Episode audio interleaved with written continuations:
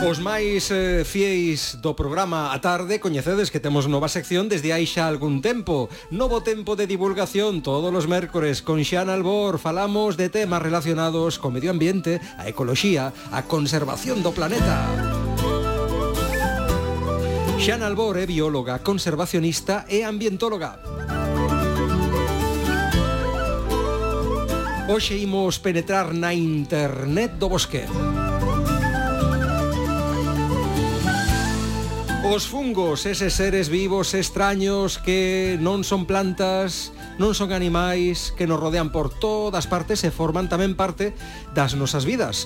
Consumimos unhas 350 especies de fungos. Unha soa trufa pode chegar a valer miles de euros. Son fungos os organismos que fermentan a cervexa ou levedan o pan e mesmo estánse a descubrir fungos capaces de degradar o plástico en cuestión de días. Xan Albor, fungos, cogomelos, serán a mesma cousa? Pois hai que contestar ao galego, depende. A sí ver. e non. Todos os cogomelos son fungos ou se orixinan máis ben a partir de un fungo, pero non todos os fungos son ou orixinan un cogomelo. Digamos que o cogomelo é o fungo, o que o froito é a árbore, un fungo é o corpo fructífero dun fungo. Ai, díxeno mal. Un cogomelo é o corpo fructífero dun fungo. E imos explicar, hai que explicar un pouquiño o reino fungi.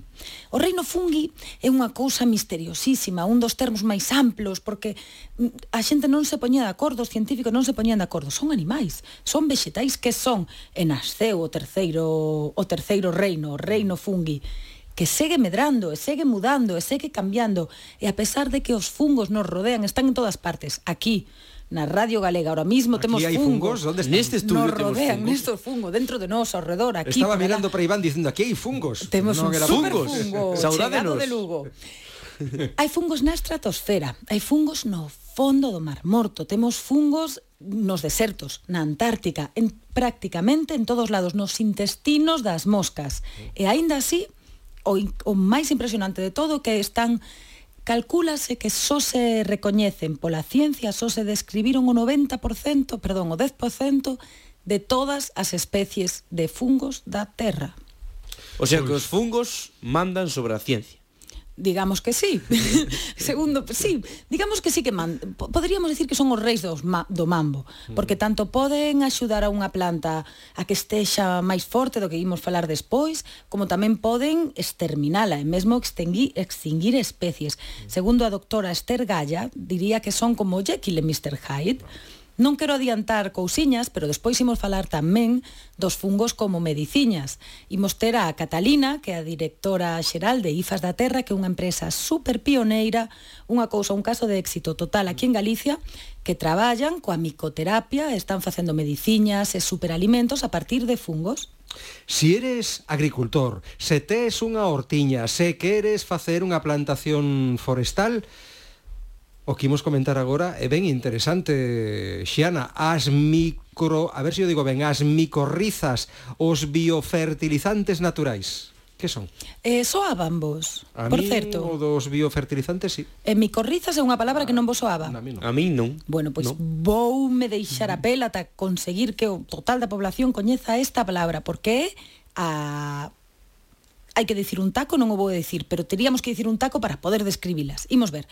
Unha micorriza, que é? É unha simbiose entre un fungo e as raíces dunha planta. De aí ven o nome mico, fungo, riza, raíz. Con esta unión, que é o que acontece? Bueno, a simbiose sí que todos coñecemos ese termo, sí ou non? Sí, sí. ¿Mm? Unha unión, unha asociación na que todos gañamos, como Antón e Iván. Gañades un de cada un do outro, exactamente. Todo, todo, todo. É un mutualismo, é unha amizade na que todos gañamos. Con esta simbiose, con esta unión, as plantas, digamos que aumentan a súa área activa e co que conseguen captar máis auga, máis nutrientes, fanse incluso máis tolerantes aos cambios do solo, polo tanto, poderían ser incluso máis resistentes en época de seca.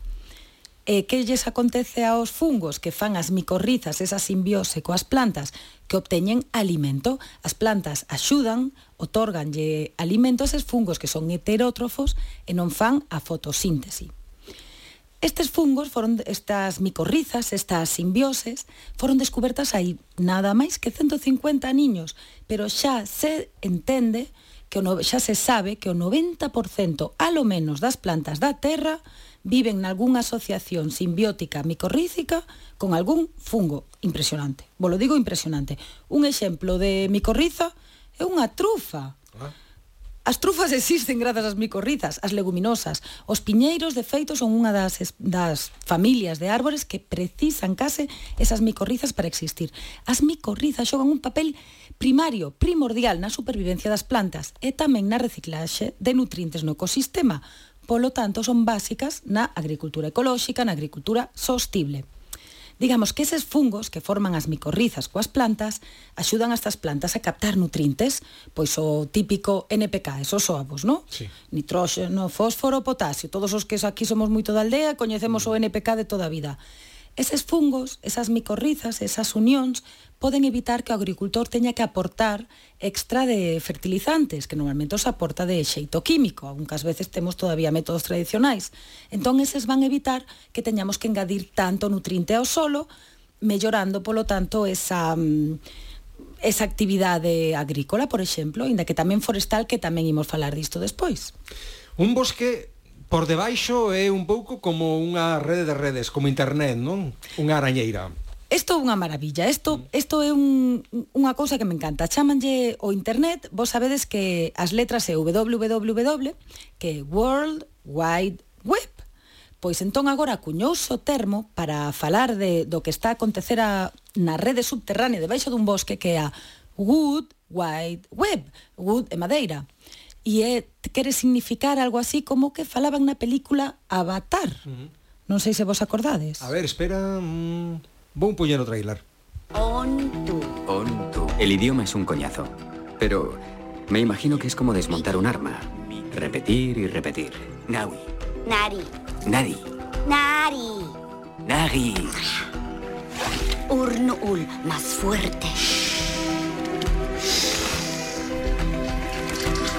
Neytiri me llama Skaun. Significa imbécil. Esto es una parte muy importante. La actitud de Norma ha mejorado. te veo, pero no es simplemente te veo porque te tengo delante, es veo dentro de ti. Me alegro de que vuelva a colaborar, pero también cree que soy un Skaun.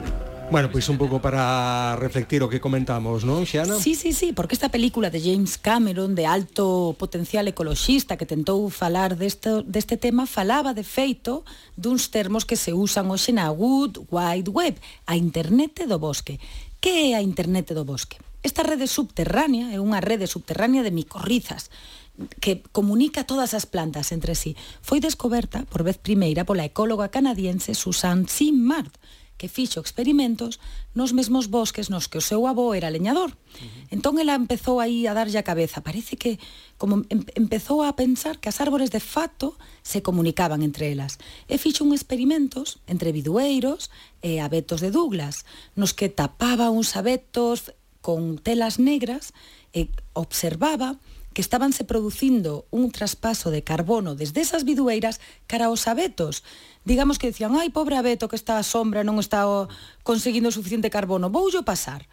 A partir de aí, deso que foi xa no 1997, seguiu investigando, moitos outros ecólogos e científicos uníronse ás investigacións e hoxe se sabe que esta rede non só se utiliza para traspasar carbono, auga entre as árbores, senón que tamén se mandan mensaxes Por exemplo, se unha planta está sendo atacada, pode avisar as outras plantas mediante mm, eh, químicos, mediante impulsos químicos, mediante avisándoa de que está eh, acontecendo unha plaga para que as outras plantas se defendan. Ou tamén, non sei se coñecedes o Juglans nigra, que é o que lle chaman a nogueira americana, a nogueira negra, pode mandar tamén, igual que no noso internet profundo, que tamén ten cousas oscuras e feas, pode usar esa internet do bosque, esa rede micorrícica, para mandar toxinas químicas ás árbores que poden competir con el, eh, ou matalas ou deixalas super debilitadas. E esta rede, esta internet do bosque, por certo, tamén está actuando como mitigadora do cambio climático porque está fixando ese carbono e tamén pode ser afectada polos cambios que están a acontecer, polo que temos que andar con pies de plomo. Antes facía referencia a unha muller que creo que xa está ao teléfono, porque agora falaremos de investigación e desenvolvemento de produtos ecolóxicos derivados dos cogumelos relacionados coa alimentación, é así? Sí, sí, señor Antón, esta empresa, eh, IFAS da Terra. Eso gustoume, de señor Antón. Señor Antón. Eu son fan, son fan absoluta de, de IFAS da Terra. Non é por facer publicidade publicidade, pero tería que facela, porque vos lo digo, é unha empresa que desde Pontevedra, desde Bora, está facendo sendo pioneira en Europa na investigación e no desenvolvemento de produtos ecolóxicos derivados dos cogumelos relacionados coa alimentación, a saúde ou medio ambiente. Un auténtico, volo digo, caso de éxito. Entrade na web porque vos vai encantar, aprendedes un montón, chamase Ifas da Terra, se poñedes ifasdaterra.com, xa topades. É ambientalmente e socialmente responsable e hoxe en día xa está exportando, estás expandindo, igual que a rede, a internet do bosque, e xa vende en Francia, en Alemanha, o Reino Unido, por exemplo. E temos a sorte de ter de convidada a Catalina Fernández de Ana Portela, que hoxe é a directora xeral da empresa, pero que isto é moi romántico, hai uns cantos anos foi a miña mestra cando estudei en Lourizán, no Centro Forestal de Lourizán, e volo digo que estábamos toda a clase apaixoados con ela. Nos fixo amar os cogomelos, os fungos, nos traía sets de autocultivo a clase, estábamos todos abraiados. Catalina, andas por aí? Estou, estou aquí. Como estás? Escoitando con moita atención. Que tal, Catalina? Moi ben, moi ben. Encantada, verdad? Encantada de, de escoitar todo o que están contando. Catalina, ti te lembras que nos regalaras a cada un da clase un set de autocultivo de pleurotus, ostreatus? Sí, sí, acórdome porque era a miña obsesión o non facer unha clase simplemente teórica na que se puderan aprender o que era a micoloxía, sino que a miña obsesión sempre foi facer a micoloxía aplicada e poder facer que a xente descubrira non eh, todos os beneficios que nos poden aportar os fungos no noso día a día. Por que está... Con... Pero, perdoa, Catalina, quería che preguntar por iso que estábamos comentando, non? O éxito, o triunfo de IFAS da Terra, por que? A que se debe? Bueno, IFAS da Terra eh, agora xa cumpliu 21 anos eh, dende que, bueno, que, pues, que tamén estaba con, con Xiana dándolle clases eh, e realmente pues, é un, eu nacín, pois o meu pai é investigador do Centro de Lourizán, de, de Investigación de Lourizán, onde estaba o Centro de Capacitación, onde Xiana estudiou, Eh, é realmente un centro pioneiro moi importante en investigacións científicas. Eu, despois de facer bioloxía, tiven a enorme sorte de ter a un profesor que se chama Jaime Fábregas, que hoxe é un catedrático de, da, de farmacia da Universidade de Farmacia e hoxe traballa tamén en Ifas da Terra, eh, despois de 20 anos, pois agora xa está traballando con nós, na axuda eh, a facer as formulacións, e tiven enorme sorte de estar na súa clase, Y entonces él se, se empeñaba en que os biólogos fósemos emprendedores, que non simplemente estivésemos, pues, en, digamos, nos controles de calidad das outras empresas que decían, pues, como se fan os produtos, ¿no? Y él nos decía con, con moita certeza que, que cuando un biólogo fai un produto, o que vai a estar vendo é eh, as cualidades dese produto a nivel técnico, a nivel biolóxico, biotecnolóxico, e que verdadeiramente ese produto faga algo. É moi distinto facer un produto de saúde dende unha perspectiva económica puramente, onde que buscas o negocio, a facer un, un produto que onde buscas é mellorar a calidade de vida das persoas. E francamente creo que isto foi eh, o punto de, digamos, de auxe e verdadeiramente o gran secreto de IFAS, que é a, a enorme calidade porque como bióloga, mm, digamos que me vai a vida nelo. es decir, eu non concibo producir de unha forma que non sexa ecolóxica, que non sexa dándolle o mellor, cando busco e fago unha formulación, busco sempre as maiores concentracións para, para que verdadeiramente, sempre digo, nos somos as ferramentas que permitimos o paso entre a natureza, entre estes maravillosos seres que son os fungos, a convertilos en produtos que a xente tome e lles melloren a saúde. E, polo tanto, sí, temos que talas con moito respeto. Mm. Antes eh, falábamos, antes de entrar con Xiana e eh, con este espazo que temos todas as semanas de Ecoloxía e Medio Ambiente, falábamos de Oncoloxía, eh, e nenos, non? E, e, e creo que aquí tamén o, o tema dos, dos fungos teñen un enorme potencial. De feito, creo que ti estás a estudar o doutorado en investigación clínica en oncoloxía na Universidade de Santiago de Compostela. Cal é o potencial da investigación das aplicacións médicas do reino fungi? Mira, é tremendo, é tremendo. É decir, nós sempre decimos, abrimos unha ventana eh, que vai a dar eh, sí, séculos de investigación. É dicir, se, se o pensamos eh, realmente reflexionando, pensade que o, o gran cambio que deu á sociedade de, de que hubera máis longevidade e as poblacións viviran mellor foi cando Pasteur descubriu a penicilina. Mm. A penicilina é un fungo, e polo tanto foi o fungo o gran dador de vida do, mm, do mundo e poder facer que as, as poblacións se multiplicasen dunha forma moi rápida. Pero se te vas a, aos grandes inmunomoduladores, tamén son fungos. Tamén son aqueles que cando te teñen que modular o sistema inmunolóxico vai a ser un fungo. É unha forma anamorfa de, de o que sería un córticeps. Pero se te vas ao taxol, que é a molécula dorada da oncoloxía, procede dun fungo. Se lle deu o nome de taxol porque se pensaba que procedía do, do fungo do, do árbore Taxus vacata, do teixo, uh -huh pero despois cos anos se deron conta que non, que era un hongo endosimbionte, un hongo que vivía dentro da codia do taxus e das follas, e que é ese fungo que dá o taxol, que é a molécula que salvou a tantísima xente.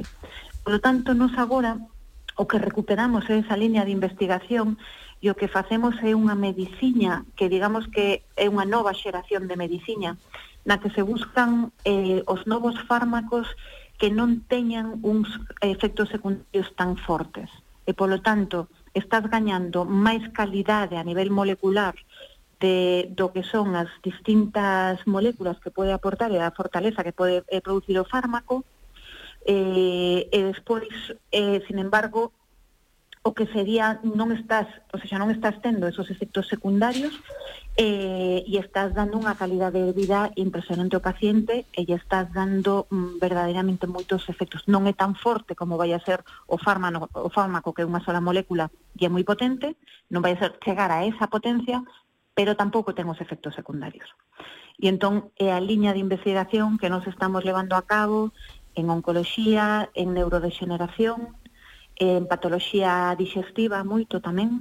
Que maravilla, Cata, que maravilla, porque estades demostrando que non só podedes cuidar das persoas mediante as investigacións, os produtos que facedes, senón tamén da terra, dos nosos queridos terreos queimados aquí en Galicia, porque fixestes unha campaña preciosa, Soutos Vivos, na que mediante castiñeiros micorrizados con boletus e dulis, cos cogomelos que a todos nos encantan, os usabades en terrenos afectados polo lume. Cata, segundo, que cales crees que son as vantaxes de usar castiñeiros micorrizados nas plantacións forestais de terreos afectados polo lume en Galicia? Pois mira, o que o que a, a planta micorrizada eh, é un dos grandes tesouros tamén que, que, que temos que se fixo un estudio na Universidade aquí de Pontevedra En forestais hai dous, tres anos, comparando que eran as plantacións que fixemos nos airanos eh, frente a plantacións de eucaliptos. Uh -huh. E dende a universidade nos, nos fixeron un documento no que se chama o 5 por. O castiñeiro micorrizado produce cinco veces máis que o eucalipto. E isto o que a min me chega me enche de alegría sí, sí. é o feito de decir podemos dar un cambio a Galicia. Uh E eu como bióloga, francamente, eh, adoro o eucalipto como a calquera outro árbore. Creo que son árbores, creo que son plantas, non teñen ningunha culpa. Creo que os culpables somos os humanos, sí. que decidimos onde plantamos as cousas. Uh -huh. E o eucalipto ten o seu sitio, é unha planta que produce solo, é unha planta que nos regala, que de roca produce solo, pero ten os seus lugares. Un eucalipto non pode estar cerca das casas, non pode estar en terrenos de plantacións, terrenos agrarios, onde sí podemos por a casta, o castiñeiro. Uh -huh. E donde podemos... A castaña ahora, acabamos de estar en, en Italia, agora mesmo unha, eh, pois, presentando os castiñeiros en Italia de Ifas da Terra, estaban abraiados da, da calidade dos nosos castiñeiros e da produción. Nos que estivemos en Ríos, verdade, Iván? Viñemos da lá impresionados eh, das, das castañas e dos cogomelos que teñen nesta zona de Ourense. En Ríos temos moitas plantacións. Sí. Eh, na zona de Trasos Montes en Portugal, mm. eh, nas serras eh, de grandes producións de España, porque son as zonas onde verdadeiramente se dan conta de que podes vivir da castaña. Mm. Eh, e realmente a min, eh, vendo como está Galicia tan abandonada, soñas pois con un día no que poda realmente haber un cambio, no que a xente invirta no monte, en terrenos que, que realmente son entre uso agrario e forestal, porque llevas a sacar a producción por unha banda de unha castaña. Pensadevos que a castaña No Courel, por exemplo, ou en zonas de recollida que está toda misturada, non? O, calquera viveiro, cando mercabas castaña, pues, te, te vendían sempre, históricamente, pues, te vendían un feixe de castiñeiros que cada un era da súa nai e seu pai e producía pues, unha castaña dun tamaño determinado e toda misturada. Por esa mistura, máis ou menos, te vas a agachar unhas 120 veces, porque son unhas 120 pesas por kilo, e daban 60 céntimos. Por a castaña de, de Ifas da Terra, das variedades que ahora temos, son entre 40 e 50 pezas, quere decir que te agachas entre 40 e 50 veces por kilo, que pagan entre 3 e 4 euros o kilo. Que ben. Bueno, Fixaremos a diferencia. Maravilloso. A verdade que son noticias espléndidas, seguiríamos horas e horas. Temos que deixalo aquí, Catalina Fernández de Ana Portela, un verdadeiro placer. Moitísimas grazas, directora xeral de IFAS da Terra, por estar con nos esta tarde. Ata outra ocasión, grazas e saúdos. Ata logo. Eh, Xiana, antes de que marches, quería presentarche a nosa seguinte convidada. A ver que che parece este proxecto que nos vai presentar Adriana Rey. Hola Adriana, moi boas tardes. Ola, que tal? Boas tardes. A ver se si teño ben os datos. Adriana Rey é directora do Colexio a Escardia de Vilagarcía. É así, Adriana? Efectivamente. E vos vostedes aí, polo que me contan algúns espías que teño nese cole, que tedes un proxecto medioambiental que traspasou xa as fronteiras do centro de ensino. A ver, como é isto? Contaronche ben, bueno, unha das espías pois, é un pouco artífice de todo isto. Uh -huh. É a, unha representante da AMPA, e, bueno, ao principio do curso, pois, eh, viñeron a propoñernos un proxecto que se titulaba Recicla os teus bolis, os teus utensilios de, de escritura. E a verdad que o acollemos con, con moita ilusión, porque dentro do, do proxecto do Centro de Voz Natura, pois xa tiñamos pois, un proxecto que se titulaba Menos plástico, máis nature, eh, que se iba a desenvolver ao longo de, de todo o curso. Entón pensamos que, este, que esta iniciativa por parte da AMPA era pois perfecto para iniciar o, o proxecto. Eh, nada, pois eh, nunha primeira fase empezamos a, a investigar un pouquiño que pasa con estes materiais, onde se reciclan, se ven no contenedor amarelo, bueno, a raíz de pequenas investigacións dentro das aulas, eh, tanto de nenos de tres anos como nenos de sexto, cada un no seu, no seu nivel, pois viron que este material non se recicla no contenedor amarelo, como todos pensábamos, que require pois, un, un tratamento especial Entonces, bueno, artellamos pois unha mascota que lle chamamos R3, facendo ilusións as tres R's, recicla, reutiliza e reduce, e, bueno, pois veron que eh, teñen un tratamento distinto. Hai que levarlos a un punto limpo, eh, nada, o, eh, a AMPA, pois a, as, as colaboradoras que temos, pois dixeronos, bueno, pois nós facemos a, o que a retirada das caixas, eh, e os nenos fan o, o traballo. Entón, necesitábamos ter 10 caixas, unha por cada aula, eh, para levar a distintos puntos do Concello. Pois ben sexa Concello, Auditorio, eh, distintos colexios. Entón, cada aula deseñou eh, un eslogan e un debuxo alusivo a reciclarse destes materiais. E a semana que ven, agora que xa están rematadas, vanse levar a estos, a estos puntos. Tamén hai un traballo curricular importante, pois de, de tanto do, do deseño, como de explicar a estas entidades por que facemos este traballo. Eh, está claro, eh, acabamos de ver na entrevista, a reciclase non é unha cuestión dunha moda pasaseira que pode pasar en dous meses, en un ano, o sea, é unha necesidade, unha realidade eh, ca que temos que convivir.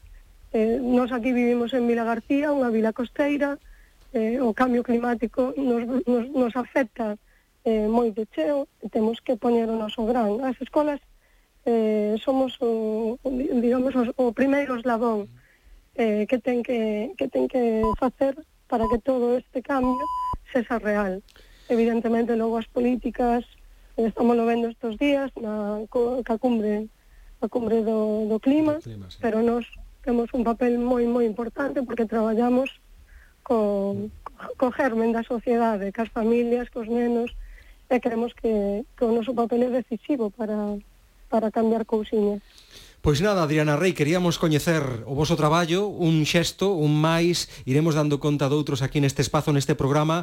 Felicidades sobre todo os cativos que están participando, vamos, como auténticos campións, e algo que comezou sendo pois un proxecto para portas adentro do cole, agora se está expandindo e alcanzando cotas que non contaban os, os seus organizadores. Moitísimas grazas, Adriana Rey, e saúdos gracias, eh, para vos. Gracias no, a vos, por darnos. Deixamos a Escardia en Vila García, E pechamos por esta semana o noso tempo de ecoloxía, medio ambiente, este espazo de Xan Albor que verá a próxima semana.